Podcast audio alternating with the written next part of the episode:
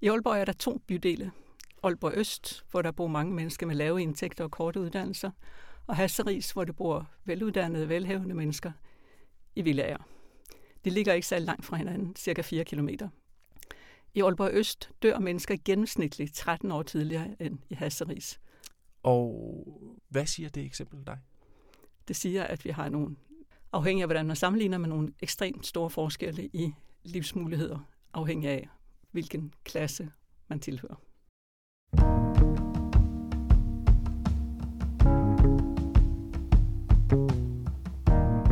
Velkommen til Moderne Ideer. Det er informationspodcast om tidens største udfordringer. Det handler om populisme og jihadisme, om flygtningekrise, klimakrise og alle de andre kriser, som vi står midt i, er på vej ind i eller måske er ved at løse. Spørgsmålet det er hver gang, hvordan løser vi de her tidens største udfordringer? Og som vi plejer at sige i programmet, så er det ikke øh, sikkert, at vi finder svarene, men derfor så kan man jo godt bruge lidt tid på at lede efter dem. Og det er det, vi gør i den her podcast-serie. I dag der er det med professor i sundhedspolitiske analyser ved Institut for Folkesundhedsvidenskab på Københavns Universitet, Signik, Signil Valgårder.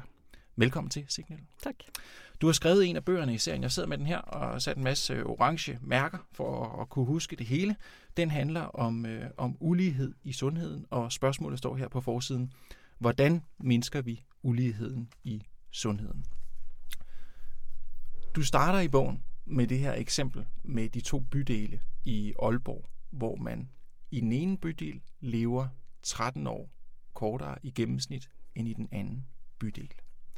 Hvorfor er det sådan et vigtigt eksempel, synes du?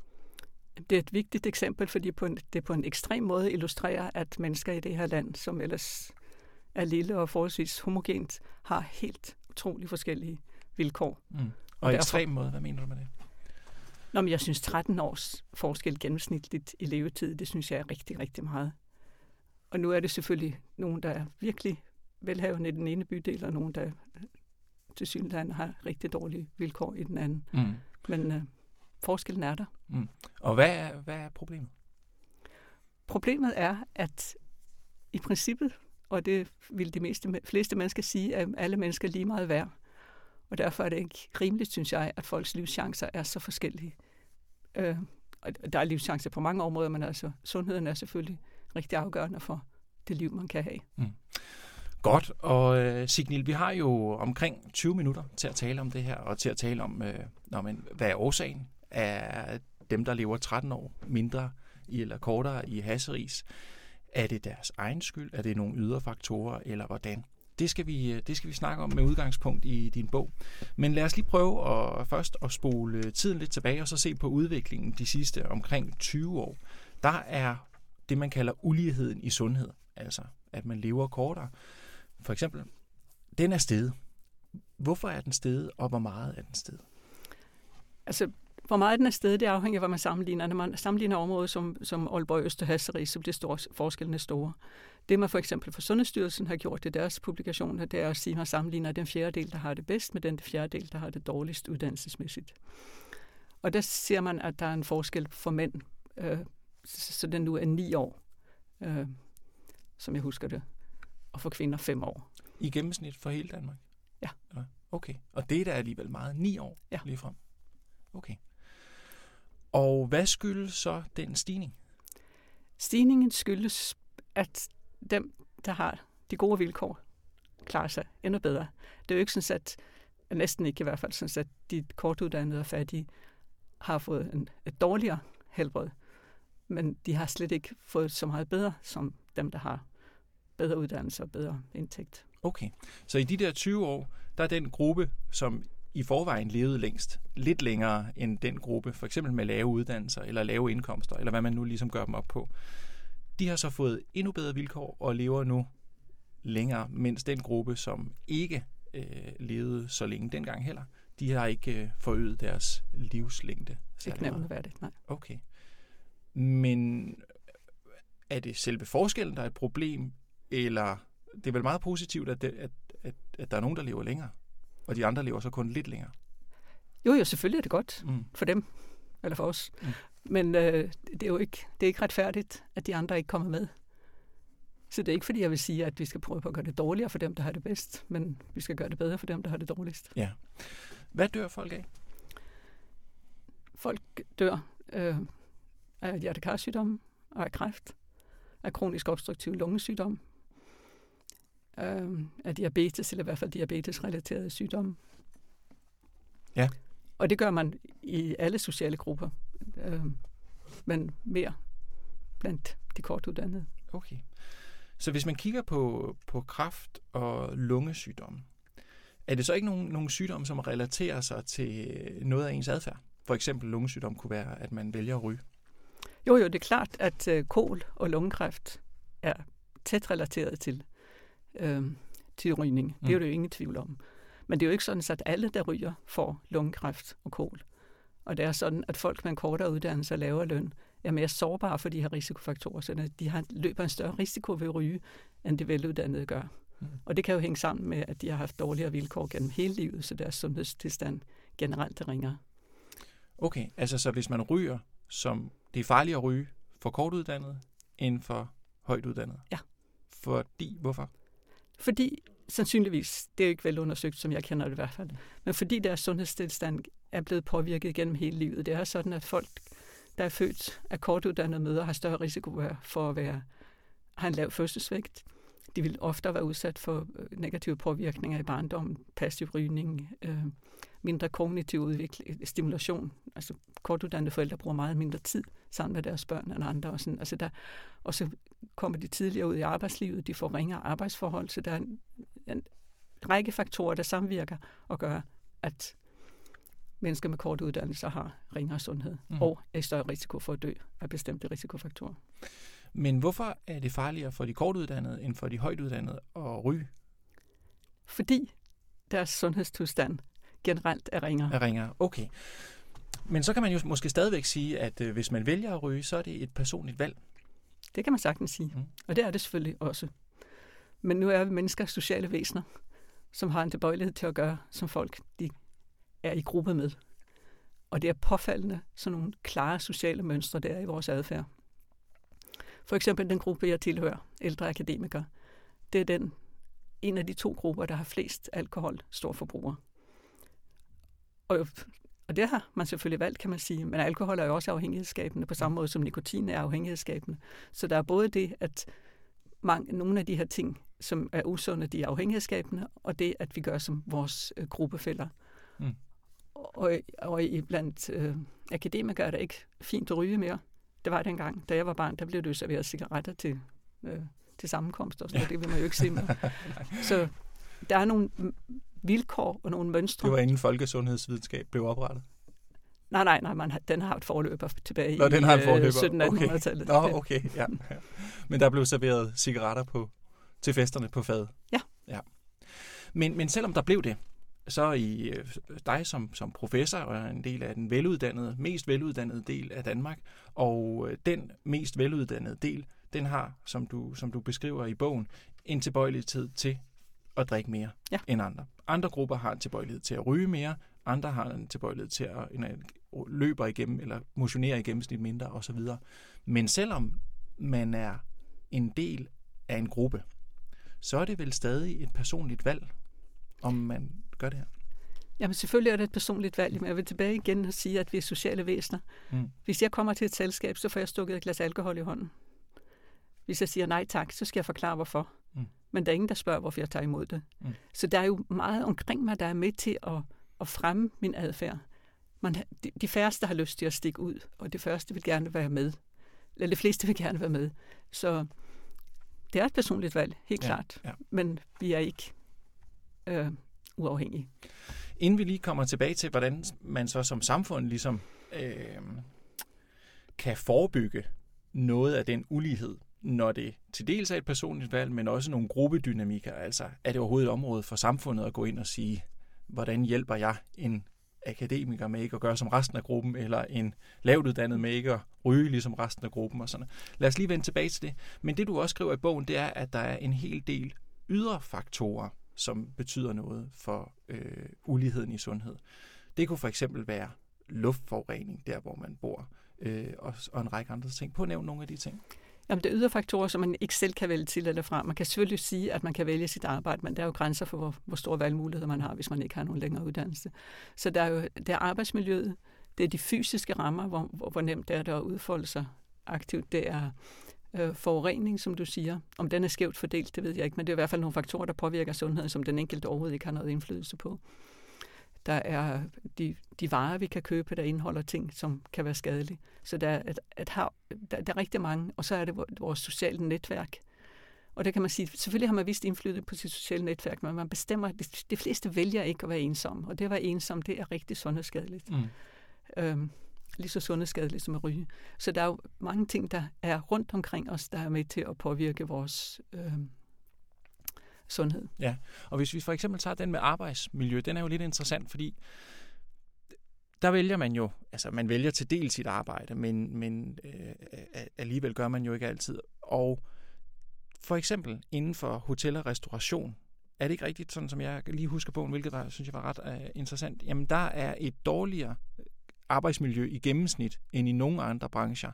Og der vil måske også være en del øh, lavt uddannet, øh, eller med en kort uddannelse, øh, inden for, for det miljø. Er det ikke sådan, man skal forstå det? Jo, jo. Ja. Og der er jo altså, der er nogle brancher, slagteribranchen er også slem, både med psykisk og fysisk arbejdsmiljø. Ja. Og, øh, så der, der er nogle brancher, hvor man bruger kort uddannet, fordi man ikke har brug for nogen, der er højt uddannet. Mm. Og så øh, og de, mange af dem har virkelig dårlige arbejdsvilkår. Tunge ja. løft for eksempel. Socialassistenter løfter jo lidt mere, end hvad læger gør for eksempel. Mm. Ja. Og de her tunge løft er jo også et af de, en af de ting, øh, som du skriver om i uligheden. Altså, som er, nu taler vi om kol, og vi talte om kraft, men der er også en del med hvad hedder det? Skelet. Muskel-skeletlidelse. Øh, muskel-skelet. Det dør man ikke så meget af, det var derfor, jeg ikke nævnte dem før. Men ja. der er jo virkelig, der er virkelig social forskel i forekomsten af muskel-skeletlidelser og psykiske lidelser. Okay. Hvor stor er forskellen der? Der kan jeg ikke huske tallene. Nej. Og, og selvom den så ikke fører til en, en kortere død, øh, nej, et, et kortere, et, et, det er måske egentlig meget behageligt, at det ikke er en lang død. Hvad hedder det? Nej, et kortere liv, øh, så kan en diskusprolaps, for eksempel, så forringer den det, det liv, man har tilbage. Og det måler man også på kvaliteten af leveår, ikke? Ja. ja. Prøv at fortælle lidt om det der med kvaliteten af leveår det er sådan, altså dels kan man måle ved at spørge folk og sådan noget, men så kan man jo se, hvor folk har langvarig sygdom, mm. eller om de bliver skubbet ud af arbejdsmarkedet og andet, og der er det også større forskel, end der er i dødelighed. Altså der, der er flere med kort uddannelse, der har lider af langvarig sygdom, kroniske sygdomme. Og der er flere øh, med, kort, lang, med kort uddannelse, der bliver skubbet ud af arbejdsmarkedet, når de bliver syge også selvom de er blevet raske. Altså, de har svært ved at komme tilbage på arbejdsmarkedet. Det kan jo blandt andet hænge sammen med den slags arbejde, de har. Altså, det, man kan ikke være socioassistent, hvis man har været sygemeldt med en diskusforlaps. Mm. Men man kan måske godt øh, arbejde på et kontor. Mm. Så det vil sige, man opgør ikke kun uligheden i sundhed i leveår? Nej, man kan måle den på rigtig mange måder. Ja afhængig af, hvordan man måler, så får man forskellige resultater. Mm. Så det betyder virkelig meget. Det betyder også rigtig meget, at man siger, at vi opdeler befolkningen i fire grupper, som Sundhedsstyrelsen har gjort. Så bliver forskellen ikke nær så stor, som vi siger, at hvis man opdeler dem i 10 grupper, mm. så bliver forskellen med den laveste og den højeste gruppe meget større. Så ja. der, er, der er meget, man kan gøre med den måde, man fremstiller det på. Nu har vi talt om, øh, om Aalborg, hvor der er nogle øh, forskelle mellem de forskellige bydele. Der kunne være en forskel mellem øh, højt uddannede og lavt uddannede i forhold til øh, rygning for eksempel, eller alkoholindtag. Hvis vi kigger generelt på Danmark, så vil mange jo have en opfattelse af, jamen vi er et rimelig lige land, og vi har lige adgang til sundhedsvæsenet. Er det, er det en rigtig, er det et rigtigt indtryk? Altså, det er jo, det er jo, det er fuldstændig rigtigt, at vi har jo øh, adgang, let og li, lige adgang til sundhedsvæsenet. Det er ikke mange ting, der koster noget. Så medmindre man bor meget langt fra de steder, hvor man kan få nogle sundhedsydelser, så har vi lighed i der. Mm. Men selv der er der nogle forskelle. Det er sådan, at... Altså der i vores brug af sundhedsvæsenet? Vores brug af sundhedsvæsenet, ja. og ja, den behandling, vi får i sundhedsvæsenet. Okay. Så folk med, med højere uddannelse og socialt, øh, for eksempel ægtefælder og arbejde og sådan noget, de får af bedre behandling, for eksempel for kræft, har kræftens bekæmpelse vist for et år siden. Så der er også forskelle inden for sundhedsvæsenet. Så højt uddannet får en bedre kræftbehandling end lavt uddannet? I gennemsnit. Okay, hvad skyldes det? Det skyldes formentlig noget med kommunikation. Dels kommunikation, dels man har en anden tale med en læge, når man selv har en akademisk uddannelse. Men det kan også, øh, og det tror jeg betyder rigtig meget, skyldes, at man er i stand til at stille nogle krav. Og man har ikke den samme respekt for en læge, som øh, en kortuddannet måske har, eller kan ikke gøre sig forståelig på samme måde. Der er det selvfølgelig også nogen, der har nogle sproglige udfordringer. Men, øh, Stil krav, hvad, hvad betyder det? Jeg vil gerne have en, øh, en ekstra undersøgelse for at se, om du har lavet den rigtige, eller jeg vil gerne meget hurtigt til nu. Jeg vil gerne have min operation. Jeg vil gerne hen på det andet hospital, for der har jeg hørt, der er nogle bedre læger, og okay. det er rigtig mange ting, man kan gøre. Ja, okay. Godt.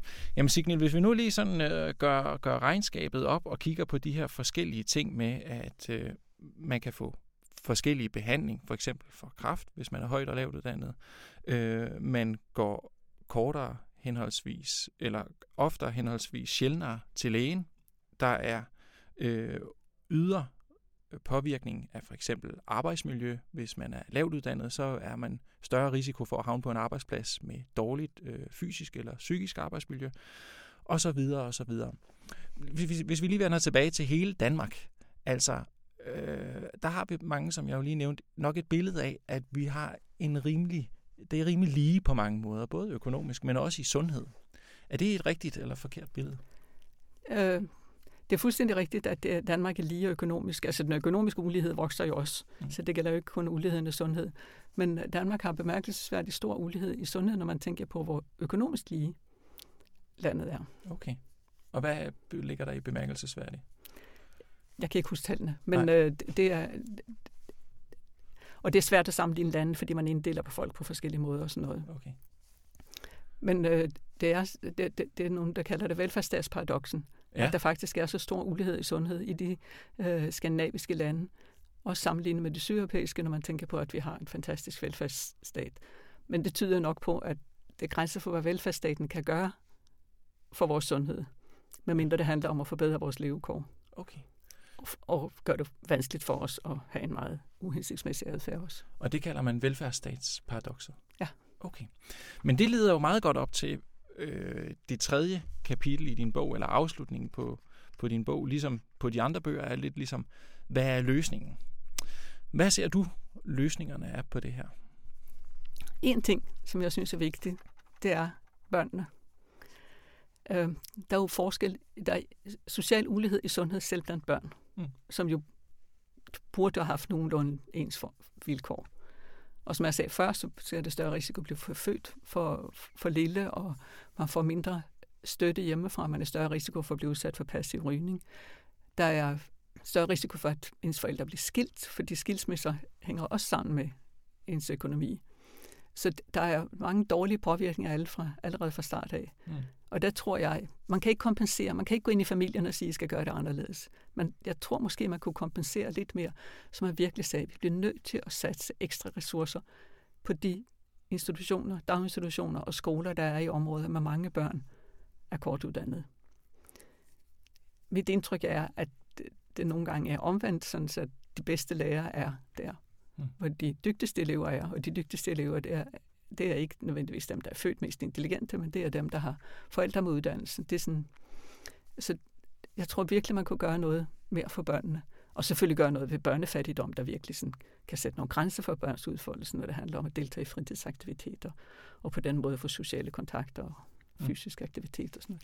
Så der er grænser for, hvad staten kan gøre? Altså man vil for eksempel ikke kunne gå ind og sige til folk med en lavere uddannelse, I skal blive skilt mindre. Det er ligesom en, en, en det er svært at gøre, at gøre noget ved, men så vil man kunne i daginstitutionerne og i skolerne så have nogle lærere og nogle støttefunktioner for eksempel, som var, som var bedre end i, end i andre områder. Ja, det, det vil jeg mene. Det, det, det var en måde, tror jeg, at kompensere på. Ja. ja. Et, øh, et andet punkt, som du også øh, siger, du siger, begynd med børnene, det er nummer et. Og så nummer to, det er arbejdsmiljøet. Ja. Jamen, der kan man selvfølgelig sådan, der er jo nogle øh, øh brancher, som har virkelig dårligt psykisk og fysisk arbejdsmiljø. Og selvfølgelig bliver det gjort meget for arbejdsmiljøet. Vi har arbejdstilsyn, vi har en masse forskning. Der bliver gjort rigtig meget. Men der kan man givetvis gøre mere, fordi der er jo mål på, at, at det er... Øh, at, at der er nogle sundhedsskadelige faktorer, som, som findes i, i, i nogle af de der brancher. Hvad er det for nogle brancher, for eksempel? Det er slagteribranchen, det er, som du nævnte, øh, restaurations, hotel og restauration. Det er, um, hvad søren var det mere? Damefrisør. Jeg kan ikke okay. Og hvad kan man så gøre som, øh, som øh, som brancheorganisationer og som samfund for at løfte arbejdsmiljøet i de brancher? Man kan jo lave nogle regler om, hvordan der skal arbejdes. Altså det har man, det har man jo allerede på rigtig mange områder, men man kan tydeligvis gøre mere, siden det er ja. områder, hvor det ikke fungerer helt godt endnu. Ja, og så siger du også, øh, ligesom en sidste ting, den største udfordring for en radikal indsats for at reducere den sociale ulighed i sundhed er manglen på politisk interesse. Prøv lige at forklare, hvad du mener med det. Jamen, jeg har, altså, det, har, det er jo et emne, der kom på dagsordenen en gang midt i 90'erne. Og der har stået i de folkesundhedsprogrammer, der har været, at man skal have større lighed i sundhed. da jeg skrev bogen, det var før øh, den socialdemokratiske regering rigtig var kommet ud med deres politik, og de siger, at de rigtig gerne vil gøre noget ved social ulighed i sundhed. Men der er ikke set, jeg har ikke set nogen rigtige initiativer endnu.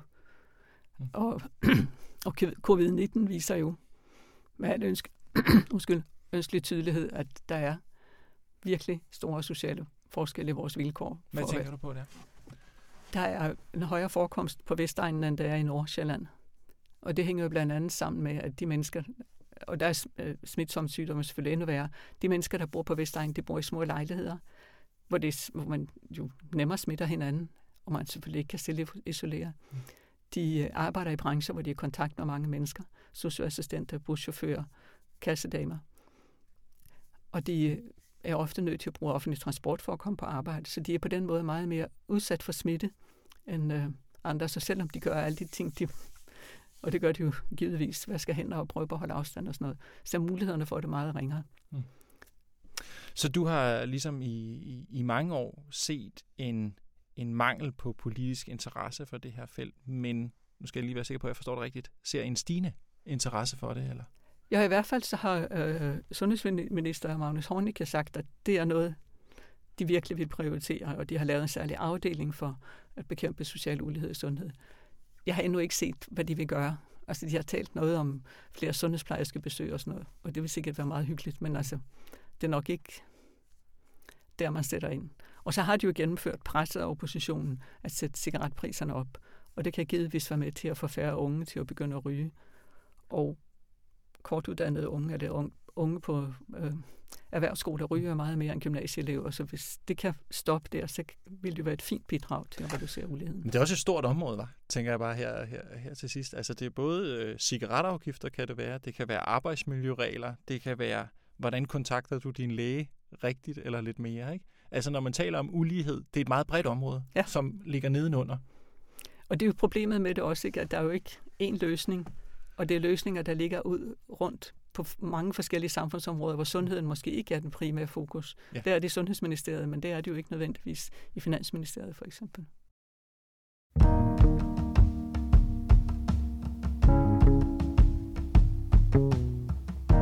Signil øh, Valgarder, mange tak fordi, at øh, du kom forbi. Tak for, at du kom. måtte komme. Og altså professor ved Institut for Folkesundhedsvidenskab på Københavns Universitet.